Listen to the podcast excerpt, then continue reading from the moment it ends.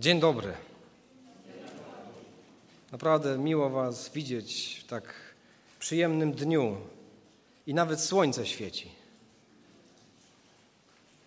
Dzisiejszy temat, który, którym chciałbym mówić, to jak się zakochać. I nie dlatego, że wiosna idzie i dobrze by się było zakochać, ale w ogóle dobrze by się było zakochać. Może na nowo, może pierwszy raz, może rozgrzać miłość, która jakaś osłabła. I im więcej o tym myślałem, to się okazało, że temat to ma potencjał na całą serię kazań. Ale zacznijmy od takiego jednego elementu. Chciałem bardzo podziękować przynajmniej kilku osobom, które dały mi sygnał, że modliły się w ciągu tygodnia o to kazanie. I dziękuję i Michałowi, i Andrzejowi z internetu, który przed chwilą do mnie napisał, e, mówiąc, niech to będzie dobre słowo. E, cieszę się naprawdę za każdym razem, kiedy myślimy o tym, co będzie w sobotę. Przygotowujemy się. Ja się przygotowuję, wy się przygotowujecie i kiedy przychodzimy tutaj w atmosferze modlitwy, to to słowo jest mocniejsze. To, że żyjemy w dobrych czasach, to już słyszeliście. Dobre mamy czasy. Nigdy takich dobrych nie było. Wiele nam się uzbierało w naszym życiu, w naszych domach. Czasem to już nie ma gdzie tego trzymać, nie? Już się strychy pozapełniały. Nawet się budują specjalne firmy, które przechowują rzeczy, bo już się w domach nie mieszczą. No takie czasy. Sami bogacze, królewny i królewicze na swoich miękkich łóżkach się wyspaliśmy, pojedliśmy o poranku, pachnący i wymuskani. Tak. Biblię to w dziesięciu przekładach mamy, albo i dwudziestu. W swojej kieszeni, w telefonie. A kiedyś ludzie za mały fragment Pisma Świętego życie dawali, żeby mieć, żeby przeczytać, żeby przepisać, przekazać dalej. Taka cena była, a my dzisiaj tak szybko się przyzwyczajamy. Jest taki fragment zapisany w Ewangelii Łukasza w 12 rozdziale 48 wierszu. Komu wiele dano, ja tylko wyciągam część tego tekstu. Komu wiele dano, od tego wiele się będzie żądać. A my jesteśmy bogaczami i nam wiele dano. Nie tylko w tych dobrach doczesnych, które nam się w domach nie mieszczą, ale również w tych dobrach duchowych, bo możemy czerpać obficie, bez końca. Ale przychodzi taka atmosfera lekkiego uśpienia. Nie wiem, czy wy tak obserwujecie, czy tylko ja u siebie, ale takie, takie uśpienie to jest taki element naszego życia chrześcijańskiego. Ale mówimy, Pan Jezus to też przewidział. Bo kiedy mamy przypowieść o dziesięciu, dziesięciu pannach, pięć mądrych, pięć głupich, to wszystkie spały. Więc to chyba normalne, jak tak się troszeczkę przyśnie. Ale dlaczego tak jest, że zaczynamy lekko przysypiać? W ogóle to jest świetna strategia. Uśpienie, żeby czujność spadła. Żeby gotowość bojowa była niższa, to uśpijmy przeciwnika. Taka jedna historia. Usłyszałem ją od starszego adwentysty, który opowiadał ją księdzu przy okazji dyskusji na temat ekumenii ona też mówi o uśpieniu, więc jakby dwa tematy naraz. Ale dzisiaj najważniejszym tematem jest, jak się zakochać. Y, zatem zapytany adwentysta, dlaczego wy, adwentyści, tak słabo w tą ekumenię się angażujecie, to on odpowiedział taką historię. Mówi, byłem w zoo i był, był czas karmienia węży. I taki wielki wąż, boa sobie leżał w terrarium, taki z pięć metrów miał a gruby jak moja noga. I do tego terrarium wrzucili króliczka. Pracownicy zoo wrzucili króliczka. No i na początku ten króliczek to nie wiedział, w który kąt się schować. a ten wąż nic. Króliczek prawie umarł na serce, widząc tego węża, ale jednak nie umarł. Próbował się schować, no ale nie było za bardzo gdzie, a wąż nic, nawet nie drgnął, nawet nie spojrzał. Po chwili króliczek się rozluźnił troszkę i zaczął tak sobie skakać z miejsca na miejsce. Nawet zaczął skubać jakieś tam sianko. I w pewnym momencie wąż skoczył i stali się jedno. No i to była taka odpowiedź, dlaczego z tą ekumenią to trzeba trochę uważać. Ale czujność, bo tutaj chodziło o czujność. Więc króliczek stracił czujność, wąż uśpił jego czujność i wtedy był koniec króliczka. To jest walka, duchowa walka. My żyjemy na świecie, gdzie cały czas ta walka się toczy. Dzisiaj strategia złego jest jakby inna. Mówi: Dam wam wszystko, róbcie co chcecie, bawcie się świetnie. Taka strategia. Pan Bóg ma plan dla naszego życia, dla każdego z nas. Planem nie jest tylko to, żeby jakoś tam przeżyć i się dokulać do końca, tylko planem jest to, żebyśmy chodząc z Bogiem mogli być dobrymi narzędziami, żebyśmy byli użyteczni, żebyśmy Boga poznawali i opowiadali o Nim innym. Żeby to było świadome chodzenie z Bogiem. Czasem nas chce posłać w jedno miejsce, czasem w inne. Nie tylko, żeby jakoś to życie przeżyć. A diabeł przychodzi ze swoją propozycją i mówi: Człowieku, wcale tak nie jest. Bóg nic od ciebie nie oczekuje. Masz pieniądze, to kupuj, co ci się podoba. Jak chcesz, to kupuj. Twoje pieniądze tyś zarobią. Rób, co chcesz. Twoje życie. Wykorzystaj je dobrze. Baw się dobrze. Korzystaj. Nie wiadomo, co będzie jutro. Żyj luksusowo, żyj przygodowo. Twoje życie. A Bóg mówi: Ja mam plan dla Twojego życia. Konkretny plan. Wiecie, często może być tak, że my przychodzimy do kościoła, czytamy Biblię, a możemy żyć według tego planu niebożego, gdzie to są moje pieniądze, to jest mój czas i moje życie i robimy, co nam się podoba. Wygodne życie to nie Boży plan i Boży zamiar dla nas.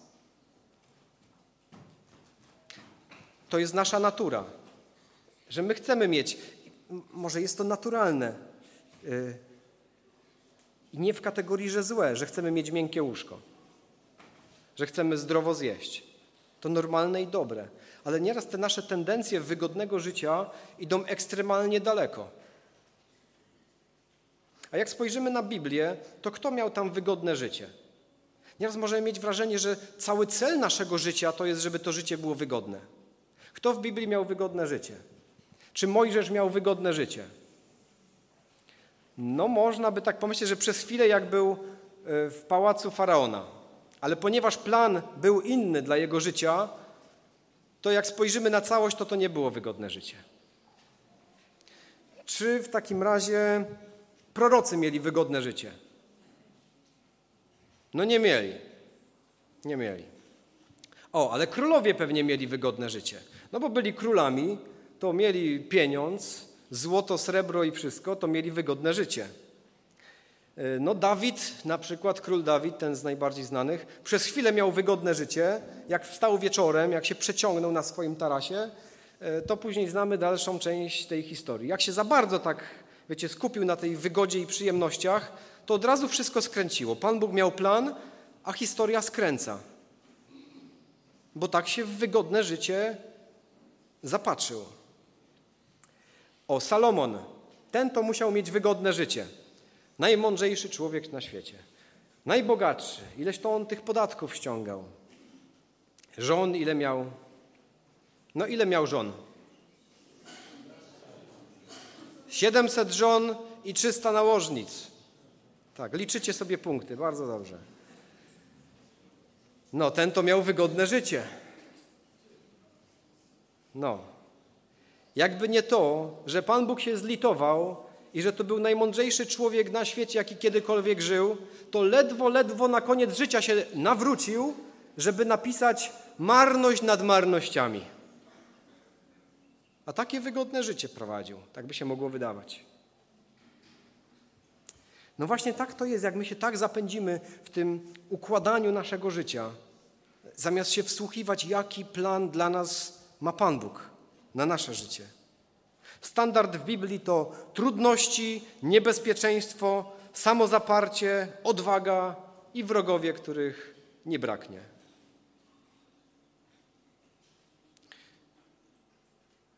Co jest naszym przeciwnikiem, który sprawia, że zaczynamy błądzić, zaczynamy schodzić na te różne manowce? Takie nowe spojrzenie na temat. Otóż zaproponuję, że są to nasze emocje. To emocje nami targają i one sprowadzają nas na różne złe drogi. Pod wpływem czego podejmujecie decyzje?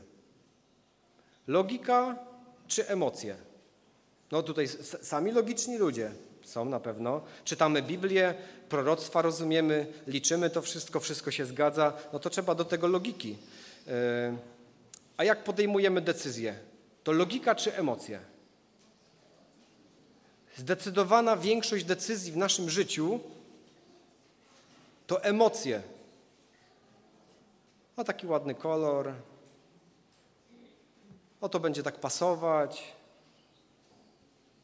podoba się moim oczom. Różne takie emocje. O, w tym się będę się dobrze z tym czuł. Czuła.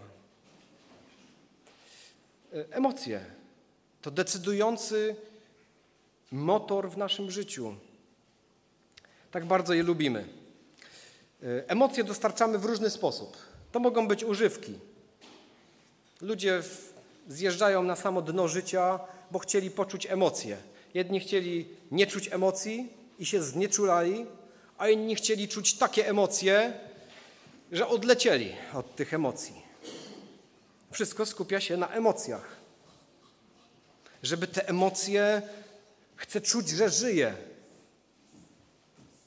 Y, sporty ekstremalne, one też idą w tą stronę. Ludzie lubią poczuć dreszczyk.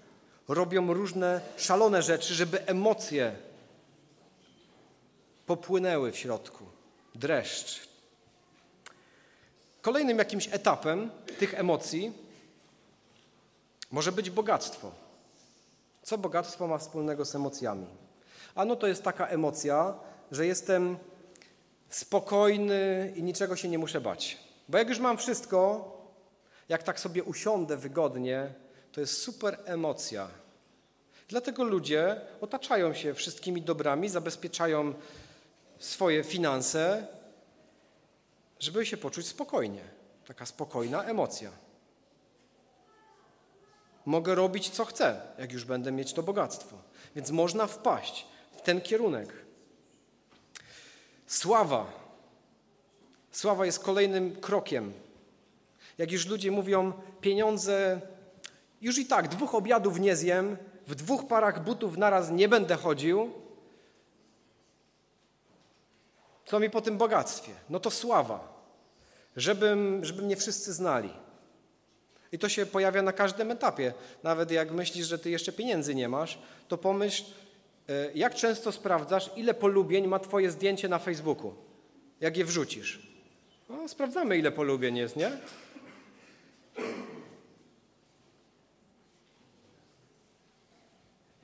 Będzie sto?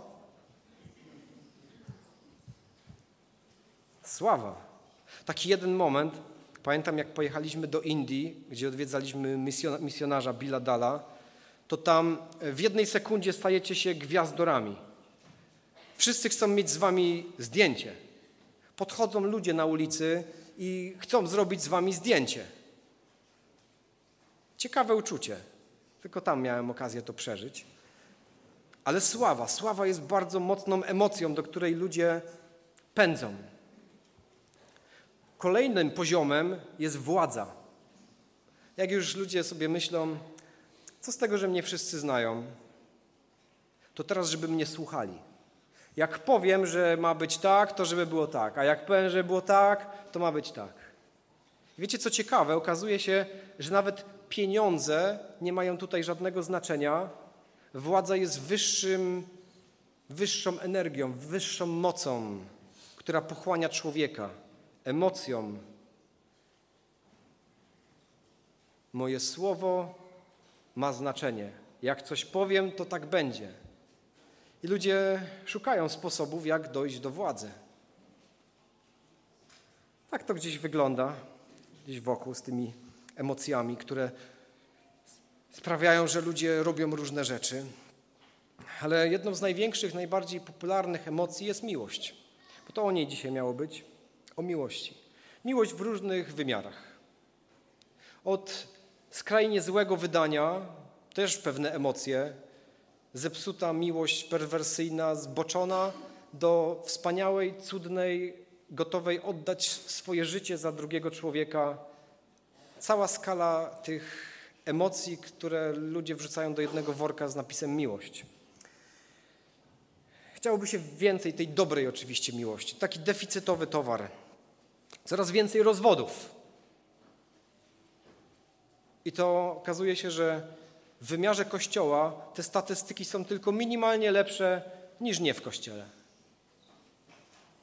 Tyle mówimy o tej miłości, że e, Pan Bóg to miłość, że Ewangelia, że tutaj wszyscy się kochamy, bracia i siostry, taka wielka miłość, a w domu to się zagryzą jak wściekłe psy.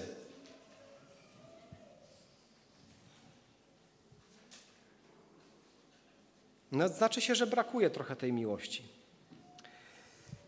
Kiedyś to był gotowy życie oddać i nerkę, a później się w koleżance z pracy zakochał. Żona mu robiła kanapki przez całe życie, opiekowała się, on się później w koleżance zakochał. Takie abstrakcyjne historie oczywiście, pewnie pasują do przynajmniej kilkudziesięciu albo jeszcze gorzej, ale takie scenariusze. A może ona taka zakochana była, a później powiedziała, a ty mnie ograniczasz, a taki jesteś prymitywny, ja muszę się rozwijać. I koniec. Ale można by tych czarnych scenariuszy tutaj opowiadać. Tacy zakochani obiecywał, może nawet tutaj stał i stała i mówili na zawsze, aż do śmierci. A to chwila minęła. Nawet zdjęć nie zdążyli wywołać. Na takie czasy teraz się nie wywołuje zdjęć, to nie zdążyli. Ale planowali. Tak to czasem jakoś niespodziewanie krótko. Taka wielka ta miłość była i tak szybko się skończyła. Dzisiaj to aż strach pytać ludzi, co tam u nich, bo kolejni mówią, że się rozwodzą. Przerażające. Jak to zrobić, żeby się zakochać? żeby się zakochać na nowo. I mówię tutaj, bo to jest kazanie. Spotkaliśmy się, żeby spojrzeć w kierunku nieba, żeby otworzyć i zachwycać się cudowną Ewangelią. Chcę mówić o dwóch wymiarach. O tym zakochiwaniu się w drugim człowieku, co czasem jest konieczne, i zakochiwaniu się w Panu Bogu. Nieraz rozmawiając z młodymi ludźmi, słyszę, ja tego nie czuję. Ja to rozumiem, to się wszystko zgadza, w tabelkach to wszystko świetnie gra, w Biblii też można otwierać, porównywać, adwentyści są super, tutaj naprawdę mucha nie siada. Ale ja tego nie czuję. I dlatego nie przyjmuję chrztu, dlatego jakoś chyba inaczej sobie życie poukładam.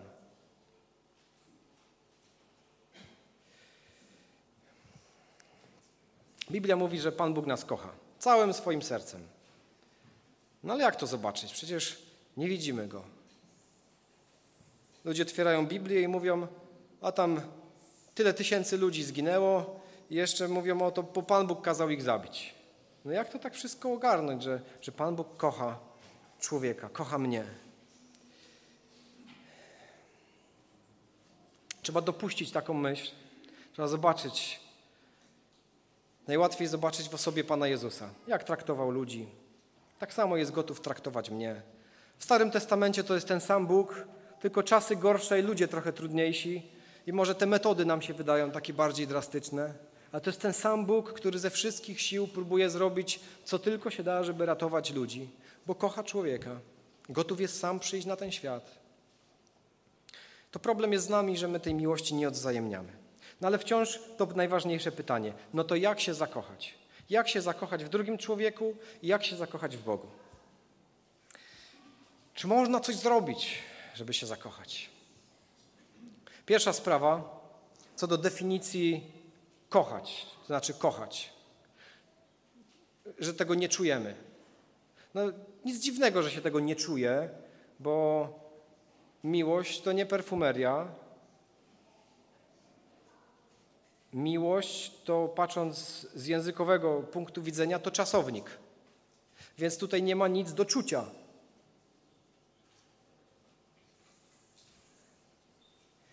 Miłość, kochać, kochać to, kochać to działać, zrobić coś dla drugiego człowieka. Kochać to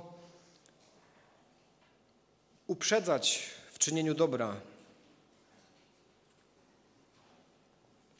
Emocje pojawiają się później, czasem wcześniej, o, chyba może nawet najczęściej. Emocje się najpierw pojawiają, wiecie, te motyle, to jest ten, ten etap wiosenny, motyle są, ludzie robią mnóstwo rzeczy, przyjeżdżają na drugi koniec Polski, bo kochają, a później mówią, że nie czują. Ale to może zacząć się również w tym miejscu, że człowiek nic nie czuje, ale zaczyna coś robić i wtedy się zakochuje. Zaczyna coś lubić.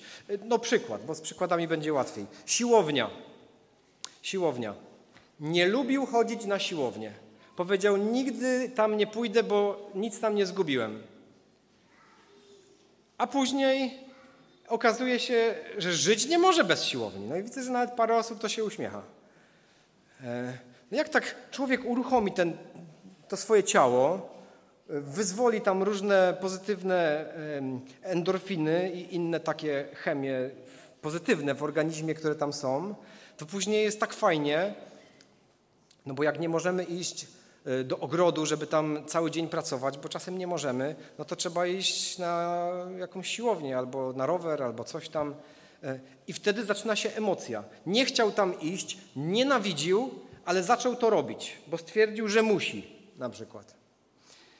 Zaczął to robić i mu się spodobało. Wiecie co, z miłością jest podobnie. Człowiek czuje, że musi, że chciałby, że tak powinno to być. I zaczyna coś robić tak, jakby to było. I to zaczyna działać. Rower. No, nigdy nie jeździł na rowerze, po co w ogóle rower?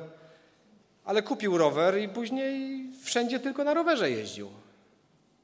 Tak to się często zaczynają te historie. Albo raz poszedł na ryby, popatrzeć. No i tak było dynamicznie, że mu się spodobało. Różne historie są, że człowiek czegoś nie czuł, nie chciał, ale zaczął robić i mu się spodobało. No tak, żeby coś szczerze powiedzieć, no moja Asia tak się we mnie zakochała. No bo ja byłem taki zdeterminowany i zakochany y, i tak smaliłem te cholewki nieustannie, że w końcu postanowiła sobie, pomyślała, jeszcze się gdzieś pomodliła w międzyczasie. To też bardzo ważny element. Mówi, Panie Boże, na pewno? Pan powiedział, na pewno. No i się postanowiła zakochać no i wyszło. Naprawdę, tak to działa. Gdzie zawsze ktoś musi być pierwszy. W naszych relacjach z Bogiem Pan Bóg był pierwszy. A teraz decyzja należy do nas. Co my z tym zrobimy? Nawet jak dzisiaj i teraz tego jakoś nie czuję, to zacznij działać i zacznij żyć tak, jakby tak właśnie było. I zobaczysz, co się stanie.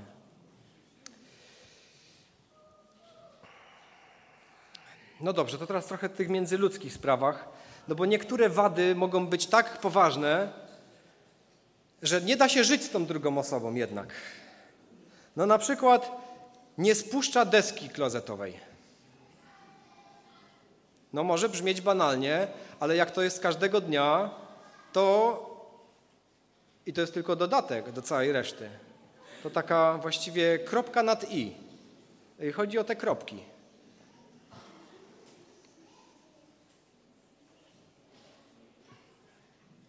Różne problemy. On z kolei patrzy na nią i mówi, że za dużo wydaje, za dużo przed lustrem spędza. Różne zarzuty mogą być. Ale spróbujmy, spróbujmy, kiedy patrzymy na drugiego człowieka i nieważne, czy to jest mąż, żona, czy współpracownik i widzimy jego wady, to spróbujmy sobie pomyśleć, że to tylko jest subiektywne, że to mnie się tak wydaje, że to jest wada. Może to wcale nie jest wada.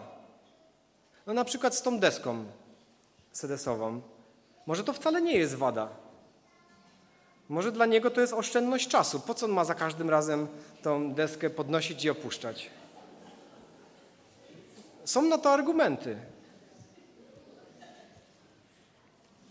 To może bardzo taki prymitywny przykład, ale jest wiele takich rzeczy w życiu, które nam przeszkadzają w drugiej osobie, ale to nam przeszkadza. Ale czy to na pewno jest aż taka wielka sprawa, żeby się rozwodzić i żeby kogoś nie kochać? To nam się wydaje, że to jest tak przerażająco i śmiertelnie zła rzecz, którą on i ona robią. Któż nie ma wad? Jak widzisz wady w drugim człowieku, no to popatrz na siebie. Idealni nie jesteśmy.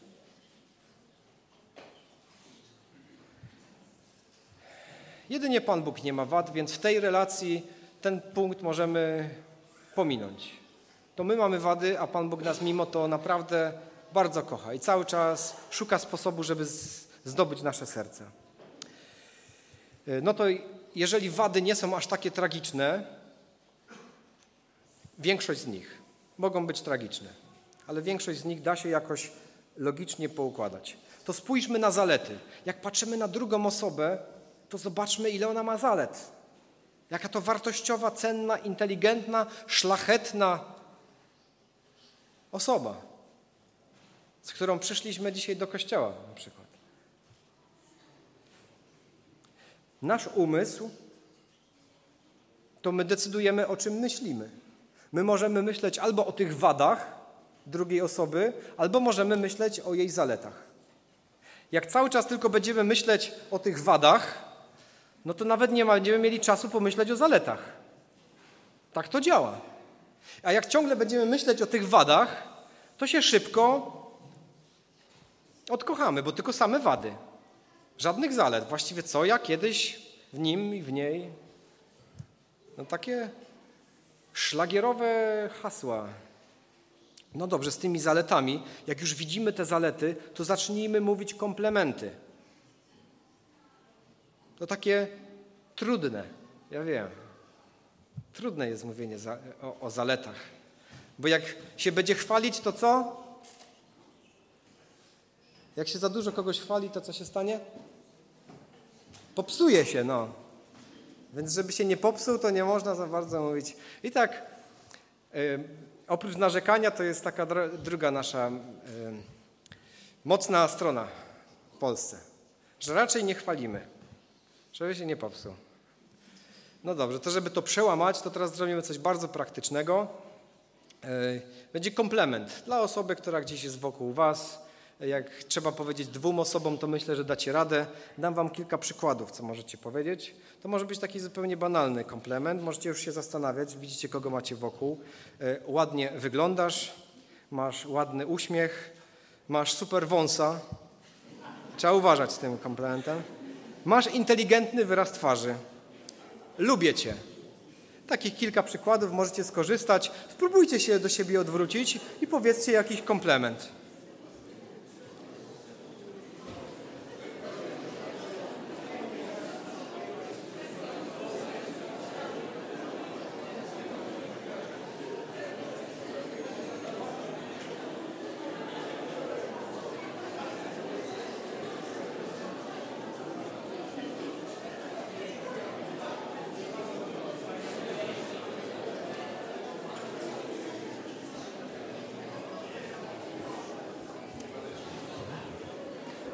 Dobrze, już wystarczy.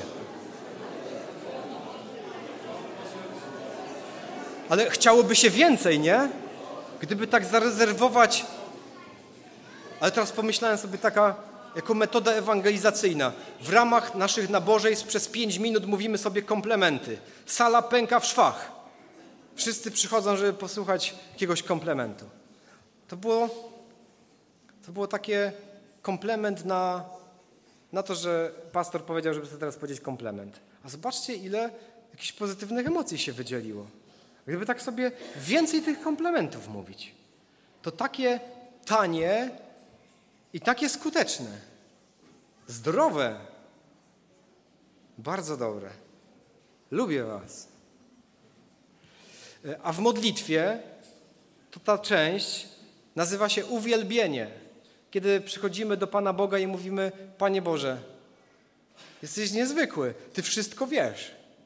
Panie Boże, Ty czuwasz nad czasem, Ty nigdy nie jesteś za późno ani za wcześnie, nawet jeżeli mnie się coś wydaje nie tak. Panie Boże, Ty znasz wszystkie moje słowa. Ty znasz rozkład jazdy wszystkich pociągów. No bo takie y, przenośne. Jak tak zaczynamy się zastanawiać, jaki ten Pan Bóg jest, to nie dlatego, że Pan Bóg chce usłyszeć trochę komplementów, ale żebyśmy, żeby nam się przypomniało, kim ten Pan Bóg jest. Y, jak się zakochać? A zadbaj o siebie troszeczkę. Jak zadbasz o siebie, bo myśl jest taka, chcę, żeby druga osoba się we mnie zakochała. I ja się chcę zakochać. Żeby ta nasza miłość tak bardziej. Zadbaj o siebie. Ubierz się nie jak. Porządnie się ubierz, no ładnie. Nie wydawaj milionów od razu na to, żeby się ubrać, bo pastor powiedział, żeby ładnie wyglądać. Ładnie wyglądać. Również kiedy z Panem Bogiem prowadzimy nasze życie. Wyglądaj dobrze. To podnosi poziom naszych relacji z Nim. Teraz bardzo ważny element wspomnienia. Jak miłość w relacji osłabła, to wyciągnijcie sobie zdjęcia. Ale jak ja to lubię. Czy takie zdjęcia, jak chodzili, tacy zakochani za rękę, pojechali gdzieś na wycieczkę na koniec świata, pojechali, to była szalona wycieczka. No. Te emocje, które wtedy były, one wracają, odżywają. Czasem być może się trzeba przymusić. Może użyć podstępu do tego.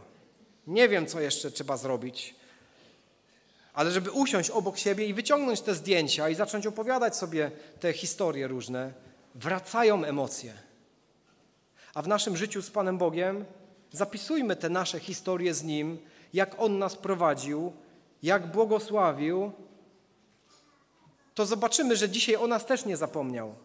Nawet jak nam się wydaje, że nie odpowiada tak, jak my byśmy chcieli. Nie zapomniał. Odpowie jak zawsze. W Księdze Powtórzonego Prawa, piąta Mojżeszowa, czwartym rozdziale i dziewiątym wierszu, właśnie o takim pamiętaniu, takim pamiętniku jest mowa. Przez Mojżesza takie słowa. Tylko strzeż się i pilnuj swojej duszy, abyś nie zapomniał tych rzeczy, które widziały Twoje oczy i aby nie odstąpiły od Twego serca po wszystkie dni Twojego życia, ale opowiadaj o nich swoim synom i synom swoich synów. Pamiętaj o tym, co przeżyłeś i opowiadaj innym. No najbardziej kluczowe zostawiłem na koniec, największa z oczywistości, czyli czas. No spędzajcie czas z sobą. Nie przed telewizorem, nie w telefonach, ale czas. Może razem coś robiąc. Właściwie im bardziej szlachetne rzeczy wspólnie robimy, tym lepiej. Ale czas. I zauważam, pomimo tego, że w mojej małżeńskiej relacji jest raczej dobrze i bardzo dobrze. To jest taki moment, że y, wyjeżdżam, na przykład wyjechałem wczoraj, a do domu wrócę w poniedziałek albo dopiero we wtorek. Zobaczymy, jak się grafik poukłada. To jest taki moment, jak człowiek wraca, to niby fajnie, cześć kochanie, ale przez chwilę, czasem ta chwila trwa dzień i dwa, tacy trochę lekko obcy. Wiecie, znowu te problemy, tutaj coś z deską, tutaj coś tam. Człowiek od czegoś już odwyk, odzwyczaił się i nagle znowu coś go zaczyna drażnić. Obcy lekko ludzie. Po kilku dniach. A niektórzy ludzie z sobą żyją pół życia obcy. Dlatego kwestia tego bliskiego spędzania czasu. Z Panem Bogiem no tak samo to działa. Jak chcemy się w Nim zakochiwać, no to spędzajmy z Nim czas. Przez modlitwę, przez studium Słowa, przez działania, które mamy wspólnie jako Kościół, przez pojawianie się w Kościele, na różnych spotkaniach. Jak spędzamy ten czas z Nim, myślimy o Nim, to się to rozpala, ta miłość. Nie czujesz tej miłości, czy to będzie w relacji do drugiego człowieka, czy z Panem Bogiem, to podejmij decyzję. Chcę kochać. Chcę kochać. Jak podejmiesz decyzję i zaczniesz realizować to, co postanowiłeś i postanowiłaś, to miłość przychodzi. Potrzebna jest jeszcze determinacja. To jest też bardzo ważne. Oprócz tego, że ty chcesz i to robisz, to jeszcze trzeba to robić dobrze i odpowiednio długo. No dobrze, ale co zrobić, kiedy jest krytycznie? To ostatni punkt tego dzisiejszego rozważania. Kiedy jest absolutnie beznadziejnie. Czy można coś zrobić? Pan Bóg ma sposoby na, bez, na beznadziejne sytuacje. Jedna z takich beznadziejnych sytuacji została opisana w księdze proroka Ozeasza. To bardzo trudna historia. Pan Bóg, mając problem ze swoim narodem izraelskim, kolejny raz, postanowił do nich przemówić pewnym obrazem. I wziął swojego najtwardszego człowieka, proroka Ozeasza, tak naprawdę jego imię to to samo co Jozue i co Jezus. Tylko żebyśmy my dzisiaj w Biblii czytając wiedzieli, o którym mowa, to mamy inne brzmienia nasze. Natomiast w oryginale to jest to samo imię, czyli Jahwe zbawi.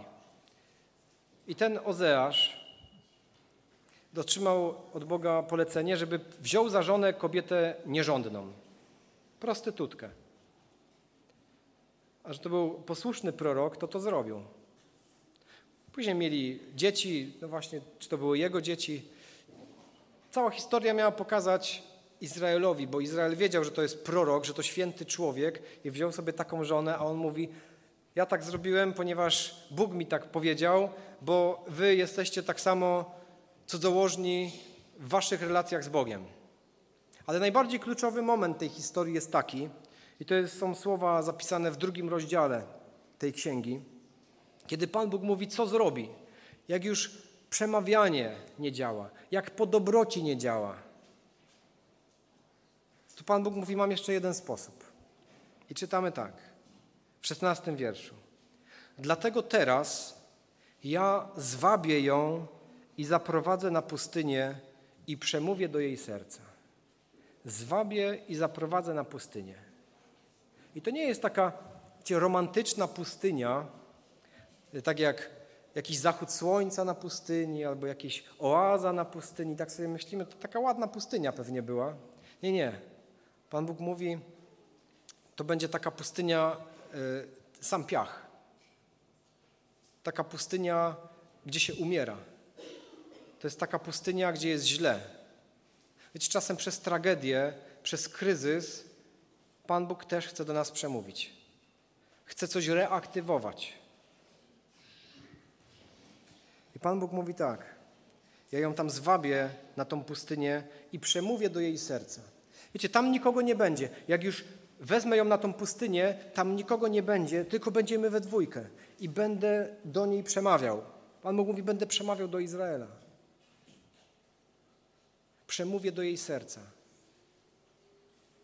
W owym dniu, mówi Pan, powie do mnie, mężu mój, i nigdy już do mnie nie powie Baalu mój Wtedy usunę z jej ust imiona Baalów, tak że ich imion nie będzie się już wspominać. Bóg mówi, wtedy się we mnie zakocha. To było dość dramatyczne rozwiązanie. Czasem są to okoliczności życia, może jakieś ciężkie choroby, może inne kryzysy, finansowe kryzysy, kiedy nagle, nagle człowiek czuje, jestem sam. Pan Bóg mówi, teraz mogę do Ciebie przemawiać. Teraz zostaliśmy już tylko we dwójkę. Teraz poznamy się lepiej. Nie lubimy takich okoliczności, dlatego lepiej się jest zakochać wcześniej. Ale ten sposób może również zadziałać w krytycznej sytuacji między dwojga ludźmi. Kiedy naprawdę jest źle, to spróbujcie gdzieś pojechać. Mimo, że to się wydaje tak karkołomne, przecież się właśnie pozagryzają na tym wyjeździe, ale spróbujcie to zrobić. Pojechać, żeby powspominać dawne historie, żeby być tylko we dwójkę. A ta miłość może się pojawić. Kluczem do budzenia miłości jest decyzja, czas i wytrwałość. Jeżeli chcemy budzić miłość w drugiej osobie, w sobie samym, to te czynniki będą konieczne. Zatem idzie wiosna. Zakochajmy się. Tak w Panu Bogu, który całym sercem nas kocha. Coraz bardziej się w Nim zakochujmy, patrzmy na Niego, opowiadajmy o Nim innym ludziom, realizujmy Jego wolę, nie ogradzajmy się swoimi przyjemnościami, swoimi planami i celami. Słuchajmy, co On do nas chce powiedzieć, a to jest naprawdę świetna relacja, pełna przygód z Bogiem, który kocha człowieka. Spróbujmy zakochać się bardziej w żonie i w mężu. I kochajmy wszystkich ludzi dookoła bardziej. Mówmy dużo dobrych słów tym, którzy są wokół. Chwała niech będzie Jezusowi. Amen.